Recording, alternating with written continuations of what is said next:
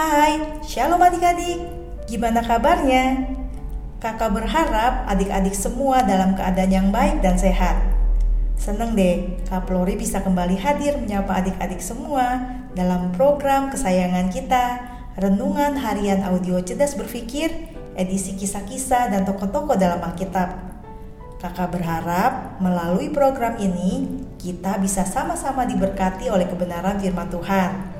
Dan kalau adik-adik diberkati, jangan lupa untuk membagikan audio renungan ini kepada yang lain supaya semakin banyak orang yang diberkati. Adik-adik, hari Minggu kemarin gereja memperingati hari turunnya Roh Kudus yang bertepatan dengan hari Pentakosta atau hari ke-50. Hari Pentakosta sendiri sebenarnya adalah hari raya agama Yahudi untuk memperingati hari turunnya ke-10 firman di Gunung Sinai. Bagi orang Kristen, hari Pentakosta juga diperingati sebagai hari turunnya Roh Kudus. Dan jika tidak ada halangan, selama beberapa hari ke depan, cerdas berpikir akan membahas seputaran kisah turunnya Roh Kudus. Hmm, Sebelumnya, kakak mau jelasin satu hal yang sangat penting nih. Jadi, orang Kristen mengimani Allah Tritunggal, yaitu Bapa, Putra, yaitu Tuhan Yesus, dan Roh Kudus. Loh, Kak, jadi orang Kristen menyembah tiga Allah dong, Kak? Bukan. Orang Kristen menyembah satu Allah, yaitu Bapa di surga. Firman-Nya menjadi manusia, yaitu Tuhan Yesus. Sedangkan Roh Kudus itu adalah Roh Bapa itu sendiri. Loh, kok gitu, Kak? Ya, memang begitu. Memang sulit dipahami. Soalnya ini di luar akal manusia. Untuk bisa memahami dan mengenal Allah, bukan hanya pakai akal budi, tapi juga harus pakai hati yang sungguh-sungguh ingin mengenalnya. Nah, kalau mau ngomongin soal Roh Kudus, sebenarnya ada banyak rujukan di Alkitab, terutama Perjanjian Baru. Sebelum Tuhan Yesus naik ke surga, Tuhan Yesus pernah bilang gini dalam kisah para rasul 1 ayat 8. Tetapi kamu akan menerima kuasa kalau Roh Kudus turun ke atas kamu dan kamu akan menjadi saksiku di Yerusalem dan di seluruh Yudea dan Samaria dan sampai ke ujung bumi. Kata kuasa dalam ayat tersebut bahasa Yunaninya adalah dunamis. D U N A M I S. Kata dunamis bisa berarti kuasa untuk menampilkan atau mengadakan mukjizat. Tentunya dari Tuhan ya bisa juga berarti kekuatan moral dan keunggulan jiwa. Sekarang kakak mau bahas satu-satu nih.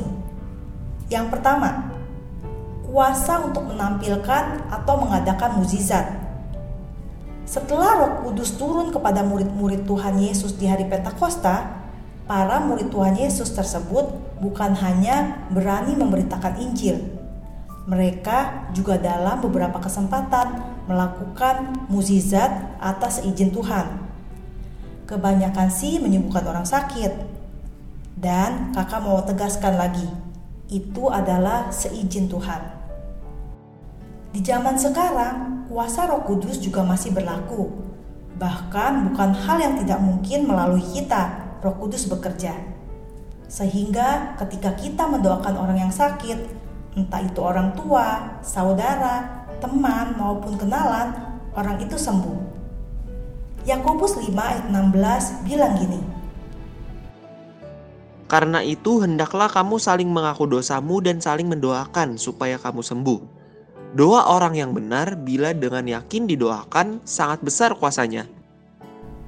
Jadi, jangan ragu dalam berdoa dan mendoakan orang lain ya. Karena siapa tahu melalui kita Roh Kudus bekerja. Tapi kalaupun doa kita belum atau tidak terkabul, ya tidak apa-apa. Itu terserah Tuhan. Kita tidak sepantasnya memaksa Tuhan. Mungkin Tuhan punya maksud lain. Iya kan? Yang kedua, kekuatan moral dan keunggulan jiwa. Hmm, gampangnya gini Roh Kudus akan memimpin orang percaya kepada kebenaran firman Tuhan, sehingga menjadikan orang tersebut memiliki kepribadian yang unggul, yaitu menuju keserupaan dengan Tuhan Yesus. Tentu, ini tidak otomatis, loh ya. Orang percaya, termasuk kita, harus berjuang juga. Roh Kudus yang mengajar dan mengingatkan kita akan firman Tuhan yang kita sudah pelajari kitanya juga harus berjuang menurutinya. Intinya, peristiwa turunnya Roh Kudus di hari Pentakosta adalah awal dari masa di mana orang Kristen didampingi langsung oleh Allah melalui Roh Kudus. Dan karenanya, orang Kristen diberi kuasa yang bisa berarti kuasa untuk menampilkan atau mengadakan mukjizat dan kuasa atau kemampuan untuk menjadi manusia dengan kepribadian yang unggul, yaitu menuju keserupaan dengan Tuhan Yesus. Sekarang waktunya bagi adik-adik untuk mengambil keputusan apakah mau memberi diri dipimpin oleh Roh Kudus atau tidak. Bagi yang mau, silakan taruh tangan kanannya di dada. Kalau situasinya tidak memungkinkan, silakan bilang dalam hati, "Iya Tuhan, Aku mau memberi diri dipimpin oleh Roh Kudus. Dan kita berdoa. Allah Bapa yang bertata di dalam kerajaan surga, kami mengucap syukur untuk penyertaan-Mu di sepanjang hidup kami. Hari Minggu kemarin, kami sudah merayakan Hari Pencurahan Roh Kudus. Terima kasih Tuhan, kalau Engkau boleh terus ada menyertai kami dan tidak pernah meninggalkan kami. Untuk itu Tuhan, kami mau memberi diri kami untuk selalu dipimpin oleh Roh Kudus. Karena kami percaya Roh Kudus akan menolong kami, bahkan memberi kami kuasa untuk melakukan mukjizat dan memberi kami kemampuan untuk menjadi manusia dengan kepribadian yang unggul menuju keserupaan dengan Tuhan Yesus. Terima kasih Bapa, terima kasih Tuhan Yesus, terima kasih Roh Kudus. Di dalam nama Tuhan Yesus Kristus kami berdoa. Amin. Oke, Kaplori undur diri dulu ya. Tetap sehat, tetap semangat, dan tetap jadi berkat. Jangan lupa bahagia ya. Tuhan Yesus memberkati. Dadah. Ku buka hati untuk